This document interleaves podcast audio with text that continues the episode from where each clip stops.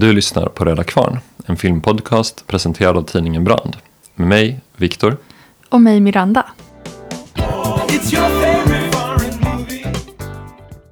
Vi har sett en film. Yes, vi har sett Badlands av Terrence Malick från 1973. Jajamän. Den här gången fick vi till det. Ja, rätt ordning ja. Eh, Ingen, Jag funderade på om jag skulle liksom börja så här. Vi har sett, vi har sett en film, vi har sett Badlands. Det här är så stort för mig. Det skulle ju framgå ganska, ganska tidigt att eh, jag, jag har inte sett den här filmen förut. nej. nej, jag har sett den här filmen en gång förut men det var, det var länge sedan nu. Jag minns helt fel om den. Ja, Jag, jag minns den här filmen som en väldigt långsam film. Att det var mycket så här, ja men de kör runt där ute i landskapet och det är lite långsamt och sådär. Liksom. precis. Det var så du hade berättat om den för mig. Och jag var ganska trött när vi skulle se den. Jag var lite så här, gud jag kanske somnar till det här liksom. Ja. Vi får se hur det går. Plus att jag har ju sett en annan det, um, Malick-film, eh, Tree of Life.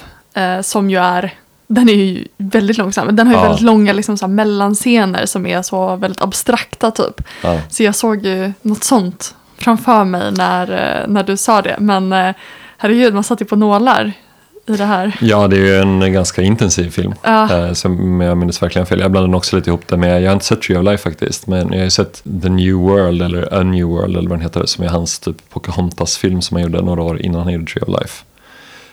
Och den är ju otroligt långsam så, väldigt mycket så drömska, oklara sekvenser.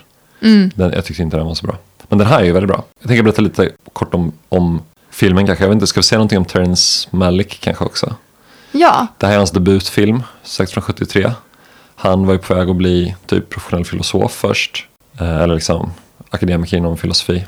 Men eh, det sket sig. det sket sig precis. Han var så toppstudent på Harvard och Oxford typ. Eh, men sen blev han oense med så här Wittgensteinianen som handledde honom. eh, när han skulle skriva sin, han var liksom postgrad på Oxford. Då sket han i det och började göra film istället. Så. Men han har en, en Det är Heidegger. så här, alltså det, det här är som, alltså jag vet inte vart jag har hört det här. Det här, det har säkert plockat upp det från någon podd. Eller så, men att någon, någon, som, någon vars brorsa så hade som plan B att bli poet. Alltså det är lite den liksom, äh, men fan så här, jag blev inte liksom top notch filosof typ. Jag blir filmmakare istället. Ja, men han kommer ju från en riktig rikemansfamilj typ. Hans, hans, ja, hans pappa är någon slags så här oljebolags toppchef typ. Eh, så hans bror, Och så vänder han sig till Heidegger. ja, han använder sitt Heidegger, precis. Han har en Heidegger-översättning ändå på sitt, på sitt CV Ja. till engelska. Då.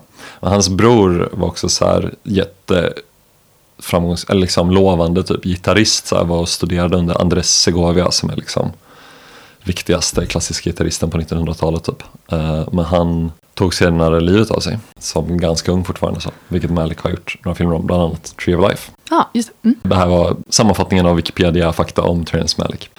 Badlands är som sagt hans debutfilm från 1973. Den är löst baserad på verkliga händelser som består i en serie mord som begicks av en man som heter Charles Starkweather eh, i sällskap av sin flickvän inom citationstecken här, eh, som inte syns på podden. En Carol Ann Fugari, eller möjligen Fugate, eller hur man uttalar F-U-G-A-T-E. Ja, vem vet. Vem vet. I alla fall. Hon var ju typ så här 13 och liksom hennes version är ju att så här. Ja, Han hon- mördade hennes familj. Ja, och hotade henne att döda både henne och sig själv om hon inte följde med typ. Ja, Om jag fattar, minns rätt här nu.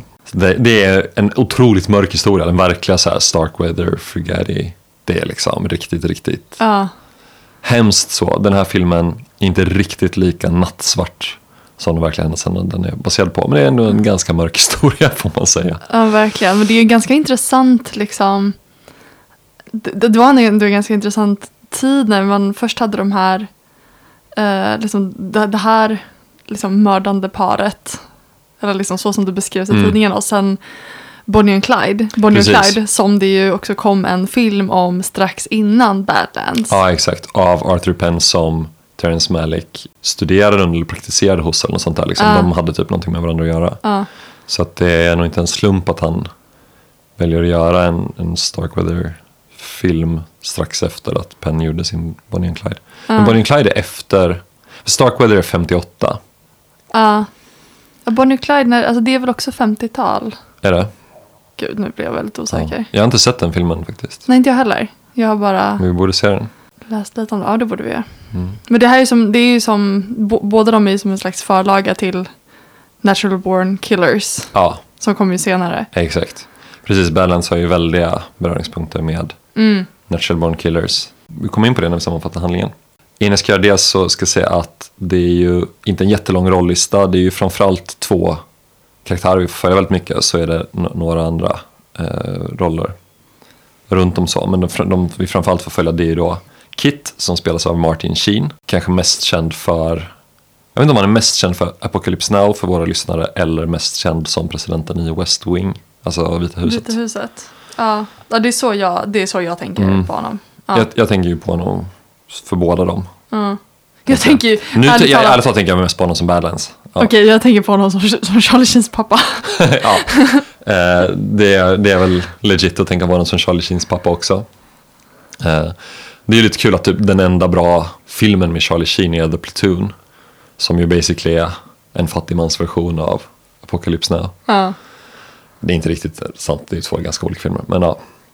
men The Platoon är också eh, Oliver Stone som gjorde Natural Born Killers. Så att Ja. it's all connected. Vet du, jag var typ, hur var det nu? Jag, jag var ihop med en kille som typ sa att han hade sett The Platoon och sen så gjort slut med sin tjej.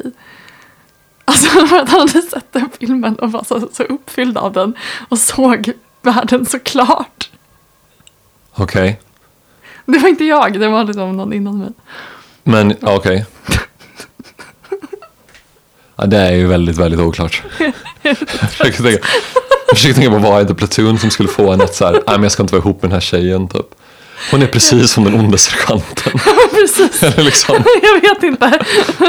eller det så här, jag, jag ska filmen- ta värvning och börja den röka filmen, marijuana. den filmen betydde väldigt mycket för honom i alla fall. Det är en jättebra film.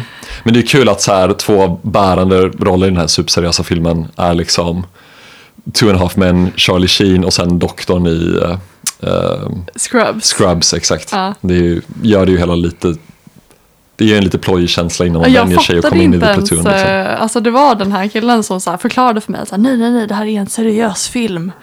För att jag, alltså jag bara visste inte vad det var för film, det här var Ja. jättelänge sedan.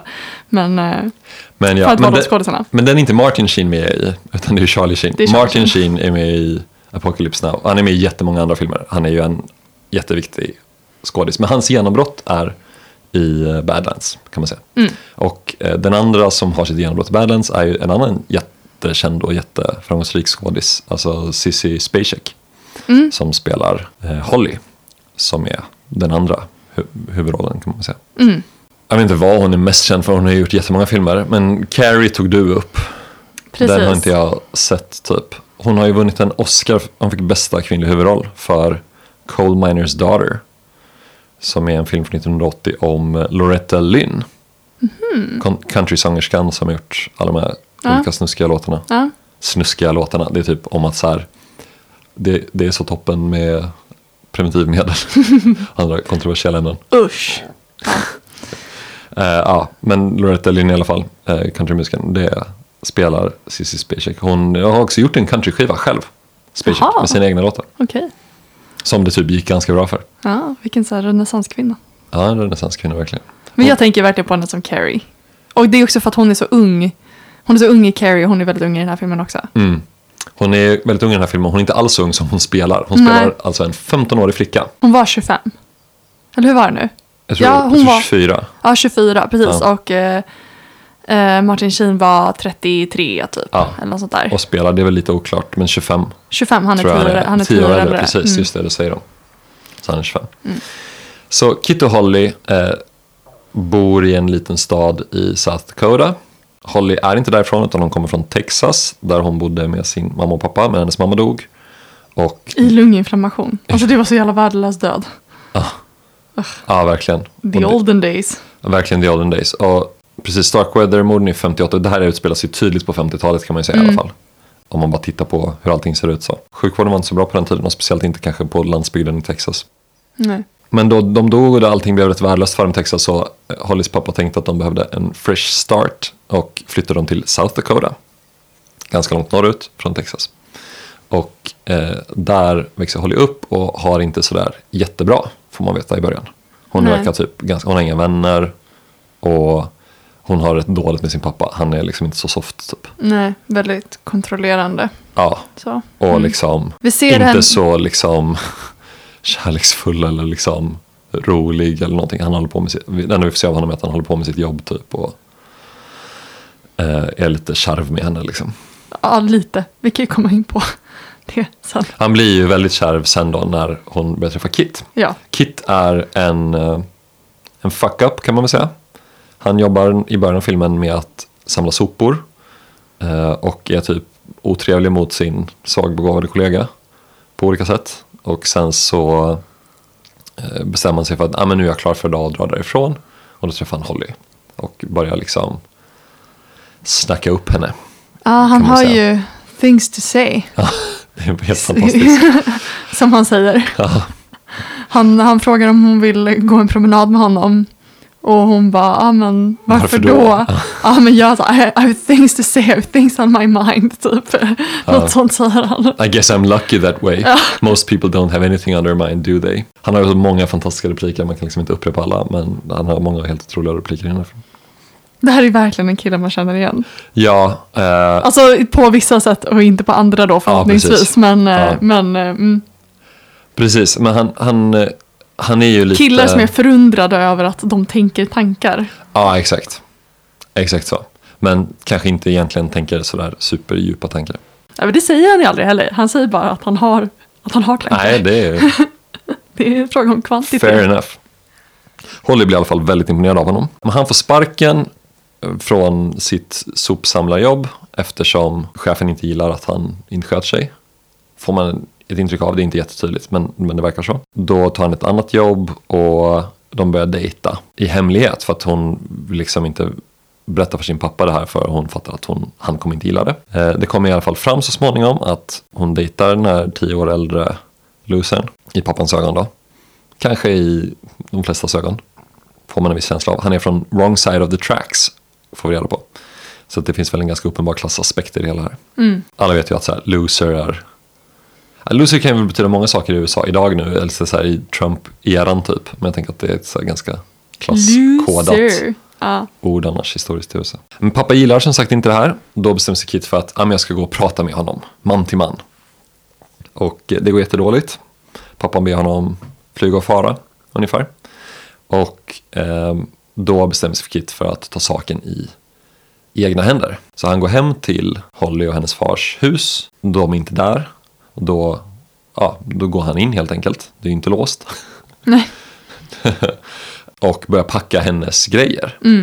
Och när pappan och Holly kommer så blir de förstås lite ställda över det här och då tar Kit fram sin pistol och ja men titta här, jag har en pistol liksom. Jag ska ta med Holly typ. Och eh, pappan säger så här, ja men nu ska jag gå och rapportera det här till myndigheterna, du kom in med en pistol på min egendom typ. Och då, ja men Kit hotar ju honom med att skjuta honom och pappan tar det inte riktigt på allvar. Nej. Och eh, det slutar med att Kit skjuter honom helt enkelt med två skott och pappan dör. Eh, Holly blir så här uppenbart väldigt ledsen och börjar gråta och liksom sådär. Men hon, hon samlar sig och vi får ju allt det här berättat också av Holly. Det finns en liksom Holly berättarröst som, är liksom, som går igenom hela vägen.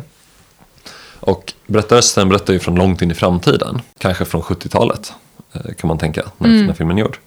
Ehm, Precis, det finns en väldigt uppenbar distans till allting som händer i den här berättelsen. en väldig distans och det är också så här. Det matchar ju liksom inte. Nej, kan man väl säga redan här. vet du, vet du liksom- vilken... Ja, förlåt. Ja, vad skulle du säga? Nej, men vet du vilken film jag tänkte på angående det? Nej. Den här gangsterfilmen. Ja, alltså Goodfellas. Goodfellas, exakt. Aha, som vi skulle göra en podd om, men Bara- lyckades. Aldrig lyckades göra. Okej, ta upp den här istället. Nej, men jag tänker bara just det här, det var sånt, eh, det, det är så likt liksom. Ja, den exakt. här väldigt distanserade berättarrösten som berättar om ett skeende.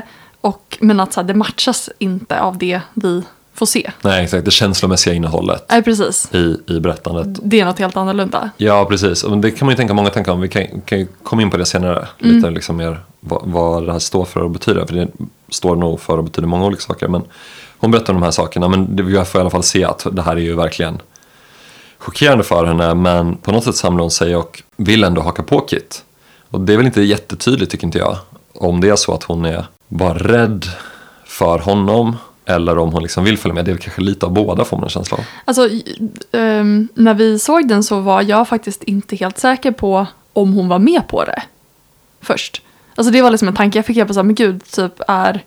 Vet hon att, Mm. att, att han ska komma liksom? Kanske inte att han ska mörda hennes pappa, men ändå liksom att de har planerat det här tillsammans. Mm. Jag tror sen, liksom, efter att ha sett hela filmen, att det nog inte var så. Jag tror att det var hans, eller Kits eget initiativ. Men, Ja, men, det, det. men det, kan, det kan ändå säga någonting om hur hon beter sig och reagerar. Alltså hon har en väldigt så, hon har en väldigt passiv roll i det här. Och liksom det är ju pappan som ändå så reagerar på att Kit är där och börjar liksom, ja men just så här, get off my property. Hon håller sig liksom i bakgrunden och typ blir ledsen när han dör men ja, inte jättemycket mer än så.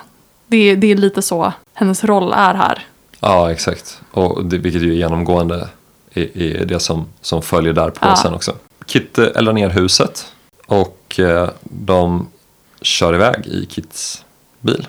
Mm. Kör ut i naturen. De kör till liksom ett, ett skogsområde som verkar, ja det ska väl vara ganska avlägset från det mesta. Får man väl en bild av. Mm. In till en flod. Där de bygger sig en koja. En helt fantastisk träkoja. Ja, den verkar rätt fantastisk. Ja, Eh, Men den är också liksom så här fortifierad. Han bygger liksom massa fällor och liksom gör så här krigsträningar och sånt där. Liksom. Det hintas ju tidigare i filmen om att han varit i Korea också. Eh, Det är en scen när de hånglar under läktarna på en sån idrottsanläggning. Pekar på någon grej på marken och säger att ah, men sånt där äter barnen i Korea. ja, Och han verkar ju ganska, man får en känsla att han är liksom militärt tränad när han Absolut. är där i den där, i den där kojan. absolut. För de, de eh, tänker ju att de kommer bli förföljda liksom. Ja, och, hon, och han har ju någon slags militärinspirerad träning med henne. Ja. Berättar hon att så här, ja, men jag fick lära mig att liksom, de här olika kodorden och jag, jag, han tyckte att jag skulle lära mig att så här, plocka isär och sätta ihop ett gevär. Exakt. Liksom, Vi får se honom göra någon konstig träningsmanöver med, med ett Ja. sånt pannband liksom. precis. Ja. ja, sen så kommer det några prisjägare dit som är ute efter dem.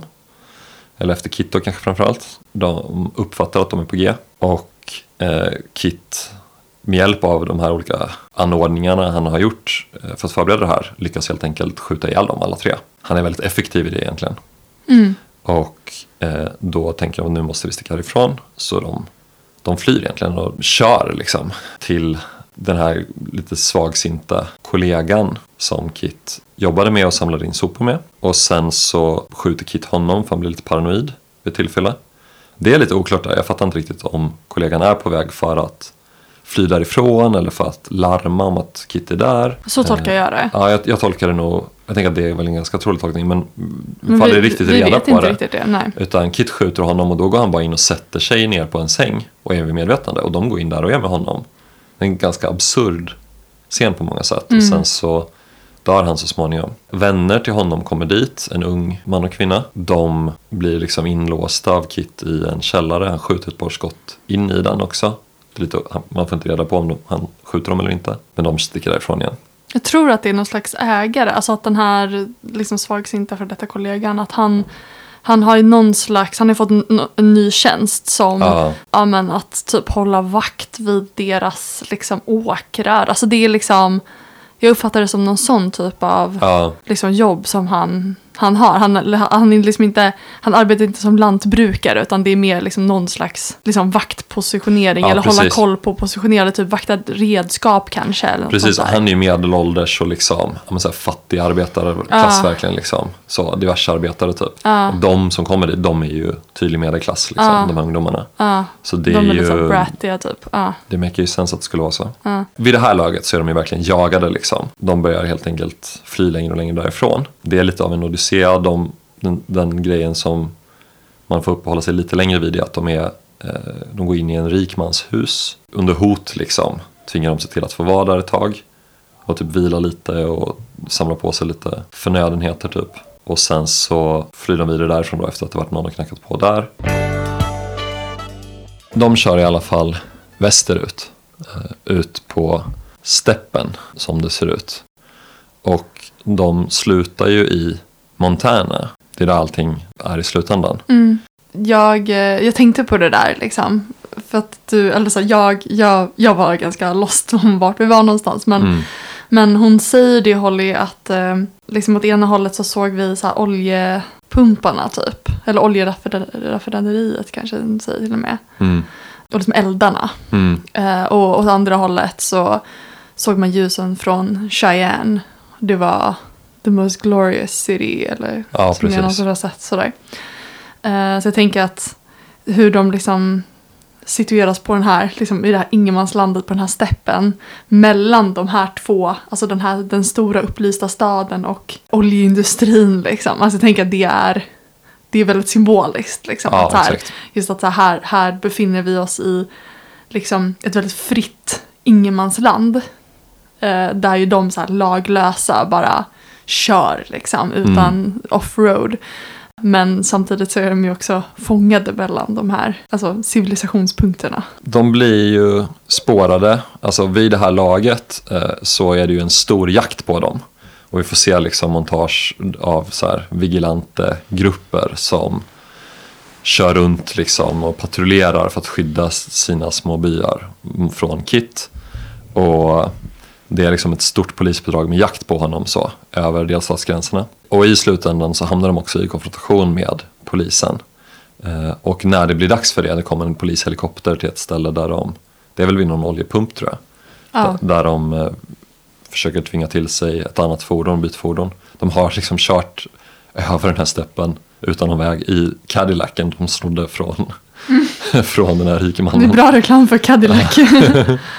I samband med det kommer den här polishelikoptern och då bestämmer sig Holly för att säga nej men nu är jag inte med längre. Utan hon lämnar över sig själv till polisen och Kit får sticka själv. Och han har strax innan dess haft en monolog om, liksom, eller om det är Hollys berättarröst som berättar om hur han berättar om hur han liksom vill ha en, en flicka som ropar hans namn bredvid sig när han stupar i den sista striden ungefär liksom. Han har ju väldigt romantiska fantasier kring allt det här. Hon ställer inte upp på det utan hon lämnar över sig själv. Och han flyr själv då i den här Cadillacen. Och hamnar så småningom då, alltså vid en bensinmack sen, där han stannar för tankar så blir han upptäckt. Och eh, det blir en biljakt där polisen förföljer honom. Och i slutändan, han är liksom på väg att, att eh, skaka av sig de här poliserna. Men han, han stannar liksom till och skjuter ett av däcken så att han ska låtsas ha punktering. är det vi får se. Och det berättelsen säger är att jag tror inte på det han sa om att han fick en punktering. Utan jag Nej. tror han, hon, hon tror liksom att han gav upp i slutändan och lät sig överlämnas. Att ja, men tar de mig inte idag så tar de mig imorgon. Liksom. Så han ger sig utan strid och det är liksom en slutsekvens som basically går ut på att han hamnar på en armébas av något slag. Där han eh, får massa bundrande frågor från poliser och militärer eh, och journalister.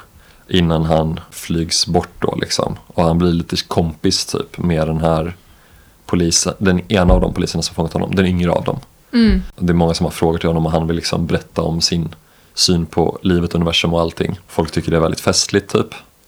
Han lite så här skön avslappnad stil liksom i relation till dem så. Precis, och så här, han, han eh, ger bort små pinaler som han har på sig. Typ en kam och Ja, en exakt. tändare och liksom, ja men är det någon som vill ha den här? Och liksom bara kastar ut dem i Ja. liksom den här lilla folkmassan. Ja. Och alla vill ju ha fans. Mm.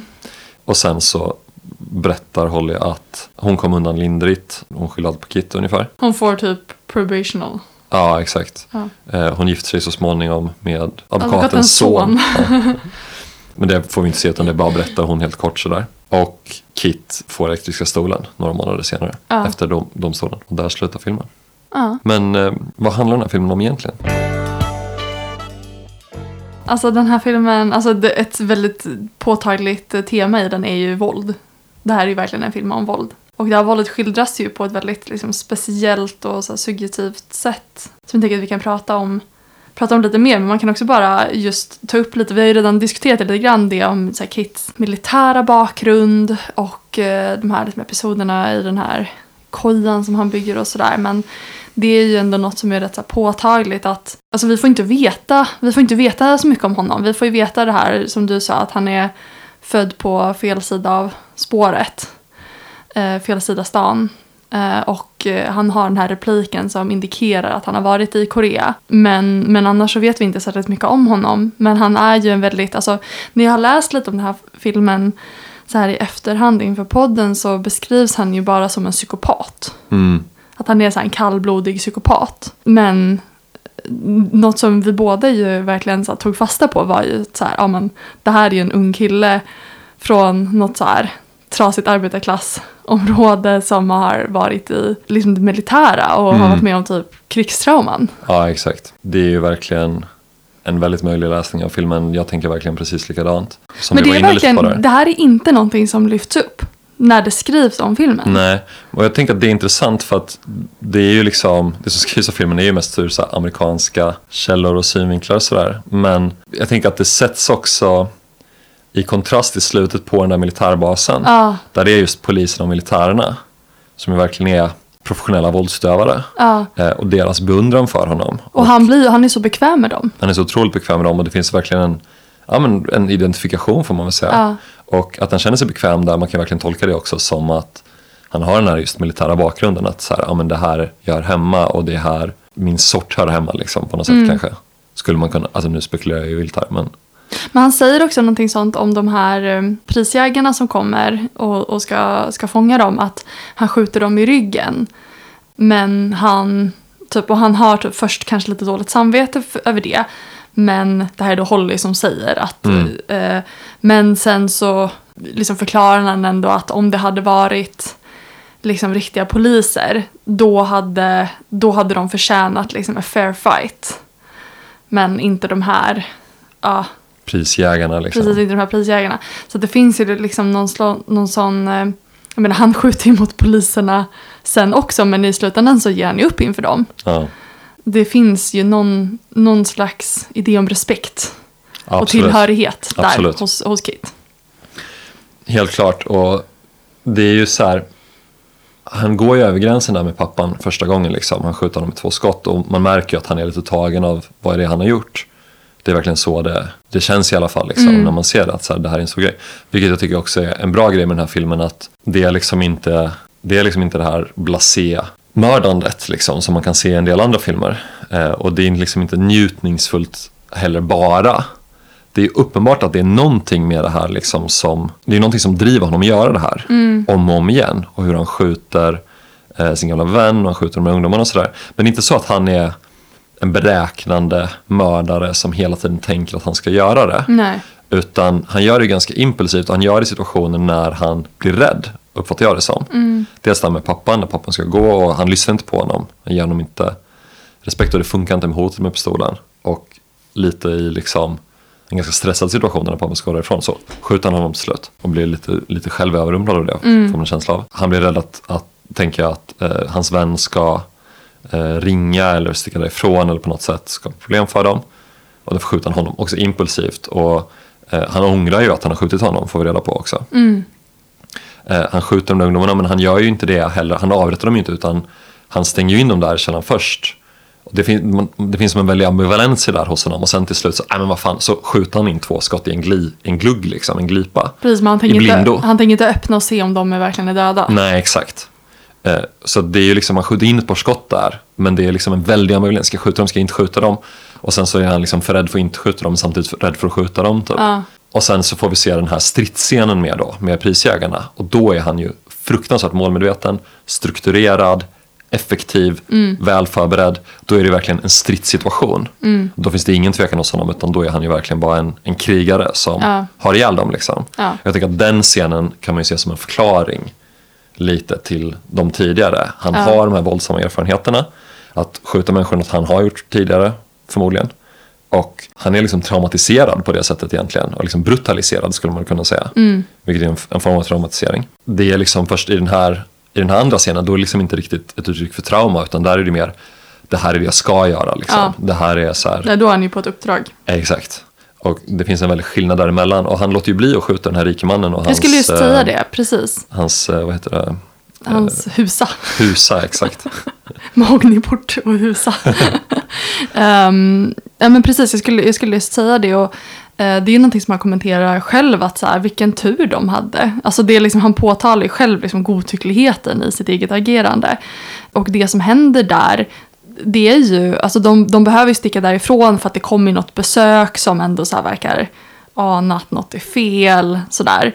Men han blir inte, det blir inte en så liksom, stressad situation. Han blir aldrig så rädd. Att han behöver ta till det helt enkelt. Det- Men det, kän, det känns ju lite som att när han skjuter pappan, att han liksom lever den här, innan dess har han levt den här tillvaron där han har liksom, ja men antagligen så här gått från jobb till jobb. Han, liksom, han jobbar där som ja, men en slags sopgubbe liksom. Och sen så får han jobb på någon farm och det verkar ju riktigt örsligt. Mm.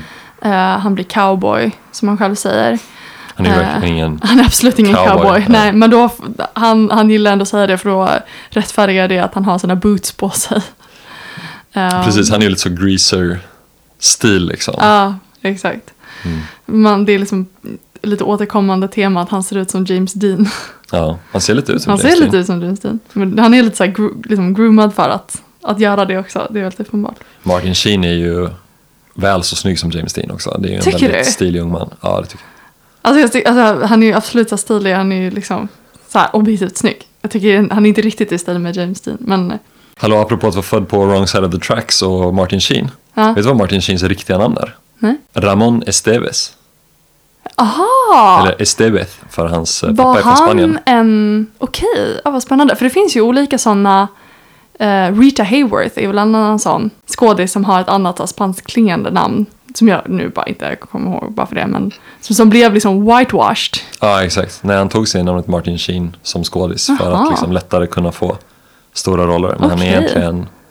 Hans, hans mamma är irländsk, hans pappa är spansk. Okej, ja, intressant. Det är lite så här, det är kul. Vi lever i lite så här tvärtom tiden nu. När det är så här, det är en grej med eh, blackfishing. Och det har just uppdagats, okej just det är inte så superaktuellt, men att Alec Baldwins fru har låtsats vara spanjorska. Har du hört om det här? Nej. Alltså hon har typ varit med, alltså så här, när hon har träffat honom så har hon bara börjat så här, alltså bara på, för hon, hon fick feeling och började prata så med en spansk brytning. Alltså inte att hon var så latina utan att hon kom, från Spanien. ja. Ja. Vilket det, det här har också orsakat väldigt stor förvirring i USA för att folk är så här svinarga för att så här, ja men du låtsas vara liksom från Latinamerika, du låtsas, du låtsas ha en helt annan så här, klassbakgrund typ. För de, de fattar typ inte att, så här, nej men hon låtsas inte det, hon låtsas att de kommer från en rik familj i Spanien typ. Det, det är det som är hennes plott. Men det finns en sån här intervju med henne när hon är i något så här matlagningsprogram och bara så här, What is this uh, vegetable called? Uh, cucumber? Typ. kan inte säga cucumber. Men alltså egentligen kommer hon från så här Minnesota eller någonting. Ja. Okej, Det Alec var- Baldwins fru Men han verkar typ så här, stand by her. Alltså jag tror att han, jag misstänker att han nog känner till att det här bara är en, liksom en grej, men att han tände på det typ. Gud vad märkligt. Ja. Det Ja, var det ett sidospår som Det var jag blev sidospår, det är ju Vi pratade om krigstrauma. Jag pratar om krigstrauma. Nej, men jag, jag tänker på det här som jag började säga om, om dubbelheten i våldet, eller liksom ambivalensen i det.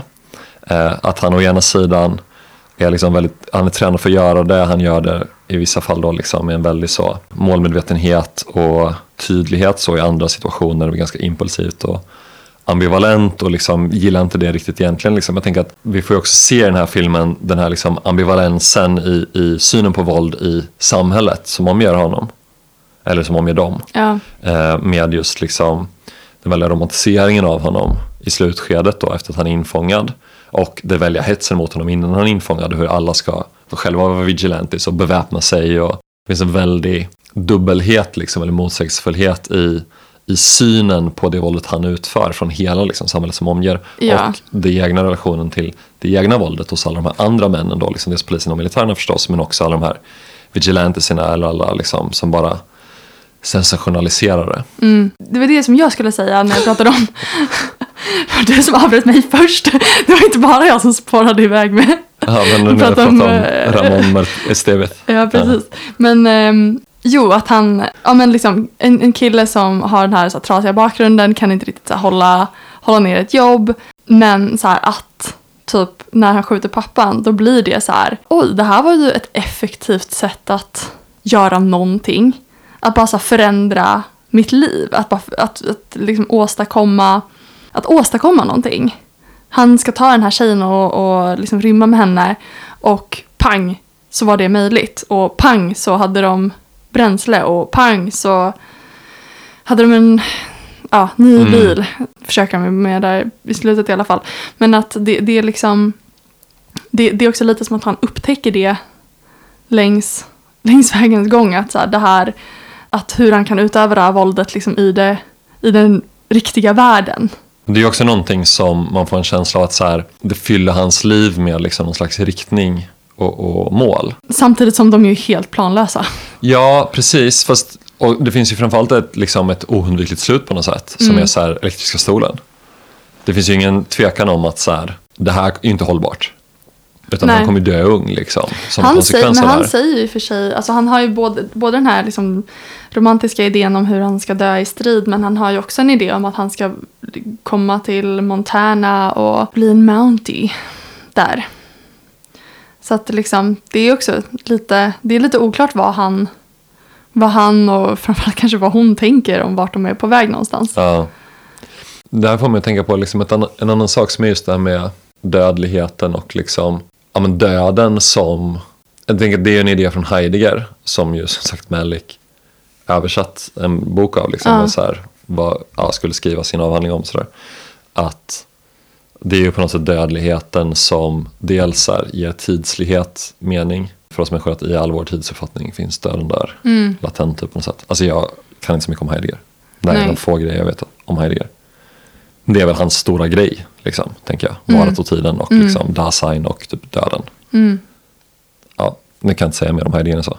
Så utan att utveckla det filosofiska resonemanget så mycket djupare så tänker jag att det finns ju ändå någonting med eh, intensiteten som han lever i i utförandet av allt det här och det finns ju en väldig mismatch mellan honom och henne i det. Att hennes berättande är ju väldigt så här, det är ganska lakoniskt, Det är det är väldigt lojt, det är ganska distanserat så här. Och det finns ju olika sätt man kan tolka det på. Man kan tolka det som att det är lite reserverat typ. Att hon inte lämnar ut så mycket av vad hon känner eller tänker när hon berättar om det här. Det är ju en möjlig tolkning så. Att vi får se att hon gråter men hon säger liksom inget om att hon blev ledsen. Nej. Eh, Eller sådär. Men jag tänker att en annan möjlig tolkning är ju att för henne är allt det här liksom inte riktigt verkligt på Nej. något sätt. Liksom. Alltså att hon har liksom inte riktigt ett grepp om hon har inte riktigt ett grepp om döden i det här skedet. Och hon Nej. skildras ju som väldigt, väldigt ung, tänker jag. Liksom, som en Mm. 15-åring. Hon är en väldigt ung 15-åring. Alltså Ja. hon är en ganska barnslig 15-åring. Väldigt barnslig och hon har liksom inga vänner. Och hon, har liksom, hon har ju konfronterats med döden tidigt i livet då, med sin mammas död. Och sen dör ju också hennes pappa då, han blir dödad av Kit. Men ändå är det som att hon vill stanna med honom och, och hänga på i det här. Men hon vill inte riktigt hänga med i slutändan utan hon lämnar över sig och hon gifter sig med advokatens son. Och liksom, det är som att det först är i efterhand eller liksom långt senare som hon kan börja processa det här. Att det hon är inne i när hon genomlever de här sakerna, alltså det vi får se av henne i stunden. Alltså det är någonting som är väldigt där men ändå inte riktigt där på något sätt. Mm. Ja, men det, det kan nog verkligen vara så. Så jag tänker att som, som jag nämnde tidigare så är det här en film där det subjektiva berättandet verkligen står i fokus och där vi får se allting genom hennes liksom tonårs, unga naiva tonårsblick.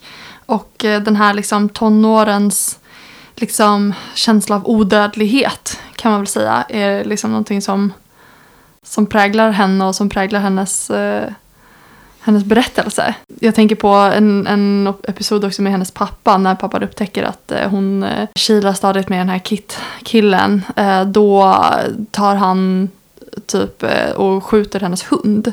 Just det. Ja.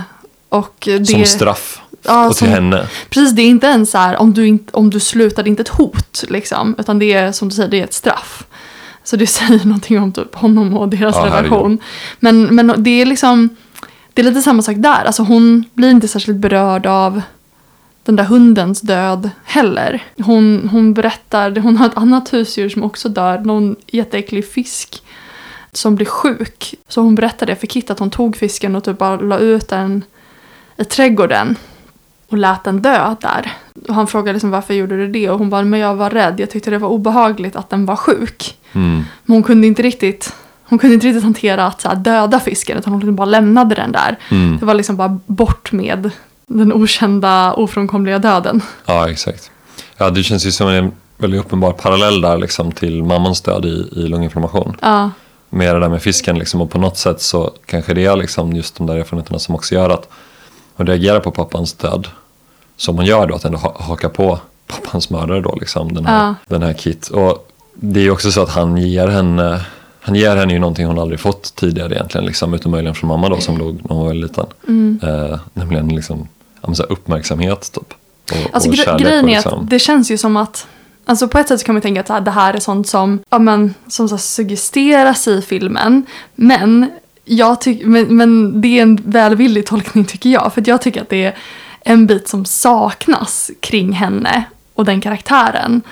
Det, är liksom hennes, hennes agerande är ju, jag menar visst att han är en vettvilling men, alltså, hen, men hennes beteende är ju väldigt svårt att förstå. Och jag tänker att vi saknar pusselbitar för att kunna förstå hennes beteende. Alltså det som egentligen händer här, det är ju att en så här mycket äldre man börjar liksom grooma den här liksom tonåringen och så 15, det är inte gammalt men hon Nej. är också en väldigt, som jag sagt, en, En ganska liten väldigt, en, en 15-åring, väldigt liten ja. 15-åring. Och det här framhävs hela tiden också i hennes typ så kläder, Ja. hon har på sig verkligen så här flickdockkläder liksom. Jag tror ju att den här filmen skulle varit mycket mer realistisk om hon var typ mer så här, kanske svagbegåvad till exempel. Alltså det är ju typ, det är ju den sortens karaktär som, som framträder. Alltså en person som är väldigt så här lättövertalad och som liksom bara tar Kits sanning. Som bara antar den eh, och, och följer med. Och att den här sortens kille också är den sortens kille som, som skulle göra så. Liksom gå efter den ensamma, liksom lite eljest flickan utan vänner. Det är också det, hennes totala isolering liksom. Eh, och som ju han, hon har bara sin pappa och den, honom tar ju Kitty ifrån henne. Jag vet inte, det finns liksom, det finns mycket mer kring henne som, som sagt, en del, en del är med i filmen, en del typ antyds i filmen, men jag tror också att man har velat göra henne till en ganska så sexig flicka. Och att det har gjort att liksom, man kanske har så tonat ner vissa drag som annars skulle behövt vara mer så påtagliga. Men är hon så sexig då? Eller jag vet inte. Ja, det skulle jag ändå säga. Alltså att hon är någon slags lite Lolita-figur. Okej, jag- det är intressant att du säger det. Liksom. Jag tänkte verkligen precis tvärtom. Att det här är liksom inte en Lolita-figur. Alltså hon är ju, alltså det är fel att säga Lolita-figur för att de har ju eh, de har en sexuell relation men det är ingenting som någon av dem är särskilt så här intresserade av, verkar Nej. det som liksom. Egentligen.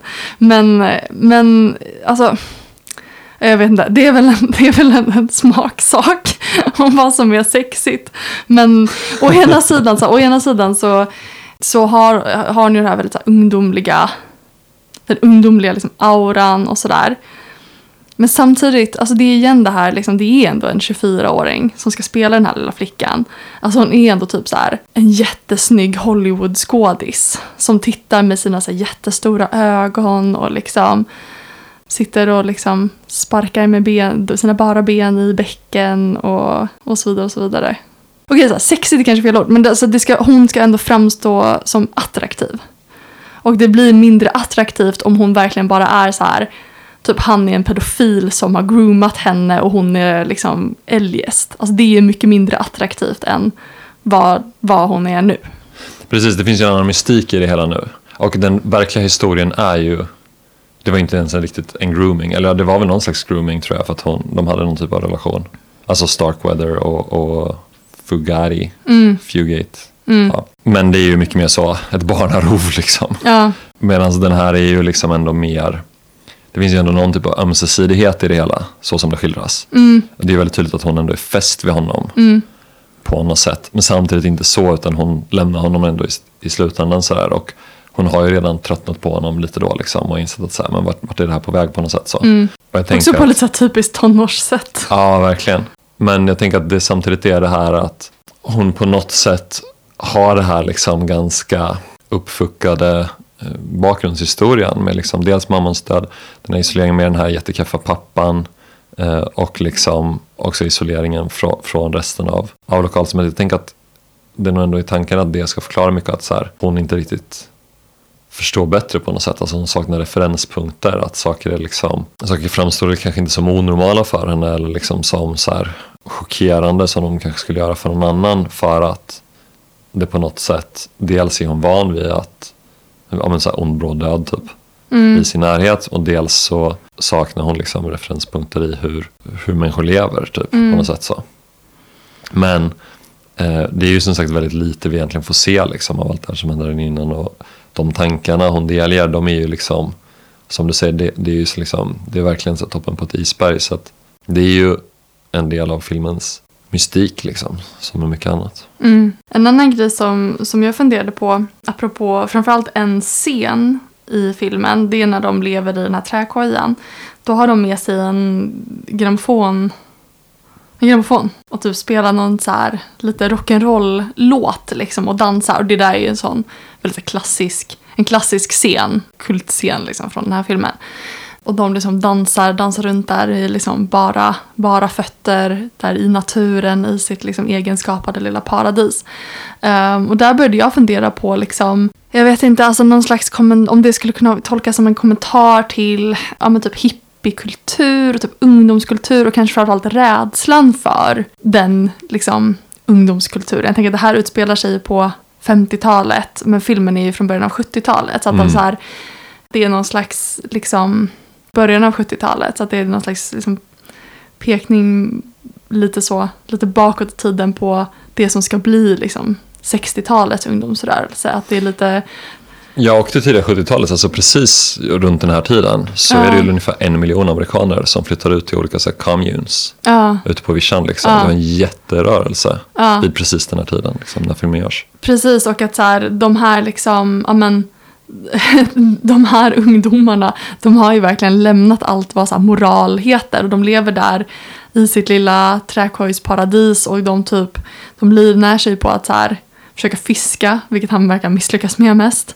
Ehm, men också bara typ så här, stjäla grödor, och stjäla majs och stjäla kycklingar och höns liksom. Det är ju, de, de livnär sig, de lever ju absolut inte utanför civilisationen, de är väldigt Nej. beroende av civilisationen. Ja. Men de är ju liksom leeches, alltså det är lite den, en sån skildring av det. Verkligen, det är ju en väldigt eh, symboliskt mättad scen där han försöker fånga en fisk med hov Ah.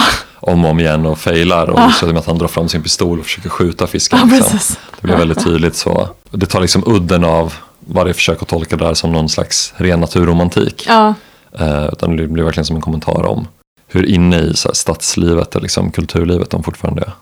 Ja, precis. Men, men kanske också, och, och det här vet jag liksom inte alls, jag vet ingenting om vet du det, Maleks eh, liksom politiska åskådningar och inte under den här tiden heller. Men, men det känns lite som en konservativ nidbild av de så här, frihetstörstande ungdomarna. Alltså det, är- det är det här som händer liksom när man, när man ska trotsa, när man trotsar moralen och, och ska ge sig ut liksom i naturen och ut på vidderna. Och lyssna på sin rock'n'roll-musik och sin jazz. Ja, fast är det inte samtidigt så här någonting som de liksom verkligen har förts in i? Att hon hakar på det här beror ju på att hon har blivit så hårt hållen av Ja. den här jättekonservativa pappan. Ja, Och att han är så brutal som han är beror ju på att han har draftats in i liksom Koreakriget så här, av Mm. den, det konservativa etablissemanget. Så jag tänker att det, Men det blir är en liksom slags en, kommentar åt bägge absolut, hållen i ja, ja. Mm. men, men precis. Det, är- det är ganska dubbelt. Men, men att just den scenen när de liksom dansar till sin rockskiva i sin träkoja och är liksom barbenta och ser lite så flummiga ut. Så. Men i sina ändå typ hyfsat propra 50-talskläder. Alltså det är bara, jag tänker att det är någonting eh, lite så, pekar framåt. Ja men absolut. Eh, Det, det, Kanske mot ett oundvikligt brott mot det gamla, den gamla, det gamla samhället. Den gamla liksom, hierarkin. ja precis. Och de st- står ju för något slags väldigt våldsamt uttryck för det i sådana fall. Ja, Men det fanns, de var inte det enda våldsamma uttrycket för det liksom. Nej. Utan det är ju något som har varit återkommande både under 50-talet och under liksom 60-70-talet. Mm. Att liksom ungdoms motkulturerna, liksom alternativkulturerna hamnar ju ofta i ja, men våldsamma konfrontationer av olika slag. Men jag tänker att det finns ju också liksom en möjlig tolkning av det här som alltså att det är någonting, någonting med autentiskt liksom. Som de är på jakt efter. Som de är på jakt efter. Men det är ju verkligen inte något mer autentiskt de hittar. Apropå just det här med hur det där livet i, i skogen det är ju liksom präglat av den samtida militarismen. Såväl som liksom all liksom den civilisationsteknik liksom, som Ja. de är beroende av. Precis, och det, det, är leva. lite, det, är lite samma, det är lite samma tematik som den där scenen när de kör i mörkret och ser Mm. liksom oljepumpen på ena sidan, eller oljeraffinaderiet på ena sidan och eh, eh, Cheyenne åt andra hållet. Att vi, liksom, vi, vi kanske är så här fria här i vår Cadillac mitt i the Badlands men, men det är ändå liksom mellan de här som vi är fångade. Precis, det är lite som sådana där att det finns så här, på YouTube finns det folk som ska leva så off the grid typ. Men Med sina solcellspaneler. ja, exakt Ja. så här, de köper någon liksom tomt, skogstomt uppe i norra Kanada liksom eller så där. Bara att de försörjer sig ju basically på sina YouTube-kanaler. Mm. Och har med massa teknik. Alltså att liksom så här, det finns ju en väldig paradox i det där liksom. Mm. Ehm, som jag tänker verkligen finns i den här filmen också. Så. Samtidigt så jag tänker att ehm, en liksom stor huvudroll i filmen det är ju bara naturen. Ja, som i alla hans filmer. Ja, och eh, jag fick lite så här melankolia vibbar faktiskt. Av liksom framförallt de här naturscenerna, eller liksom när de kör genom de här landskapen. Att så här, det är någonting med deras liksom, ja men bara hejdlösa, eller Kits hejdlösa mördande och alla de här djuren som dör åt eh, höger och vänster. Och hur, hur det finns något väldigt, så här, ett väldigt lugn kring de här väldigt våldsamma handlingarna. Och någonstans så får man lite känslan av att så här, livet att livet är meningslöst och att naturen är evig. Att så här, de, de är i det här mäktiga landskapet och det är det som, när, medan människan liksom förgör sig själv och djuren dör så, så är det de här liksom, det är det här berget i förgrunden som, som kommer stå kvar. Mm. Ja men verkligen. Och liksom precis. Och, och intensiteten i livet när det kommer i, i konfrontation med sin dödlighet liksom. Mm. I, I en väldigt bjärt kontrast till det liksom. Ja. Nej, verkligen. Det, det är verkligen väldigt, väldigt sant. Och det är väl säkert en del i att de sekvenserna i filmen gör ett så starkt intryck som de gör. Liksom. Jag tycker att de är så här känslomässigt väldigt så intensiva. Och du går ju igång på landskapen. Ja men det är liksom inte bara så som, som någon slags geografisk fråga utan jag tänker att det är just det där spänningen mellan det liksom. Är precis som du säger, parallellen till melankolia tycker jag är jättebra. Där är det ju väldigt explicit, det är det som är den explicita poängen på något sätt. Men här är det mer någonting som är liksom, Det är, det är som ett muller i bakgrunden, Ja, eller det är exakt. liksom något dovt i bakgrunden. Som, som vi egentligen, så om vi bara ser oss omkring så förstår vi det. Men vi är så upptagna i vår liksom, biljakt. ja exakt. Har du några slutord? Ja, men det, det är ju skitsamma hur vi slutar. Ja, det- slutar är ju meningslöst. Okej, ja, då får det sluta så då. It's your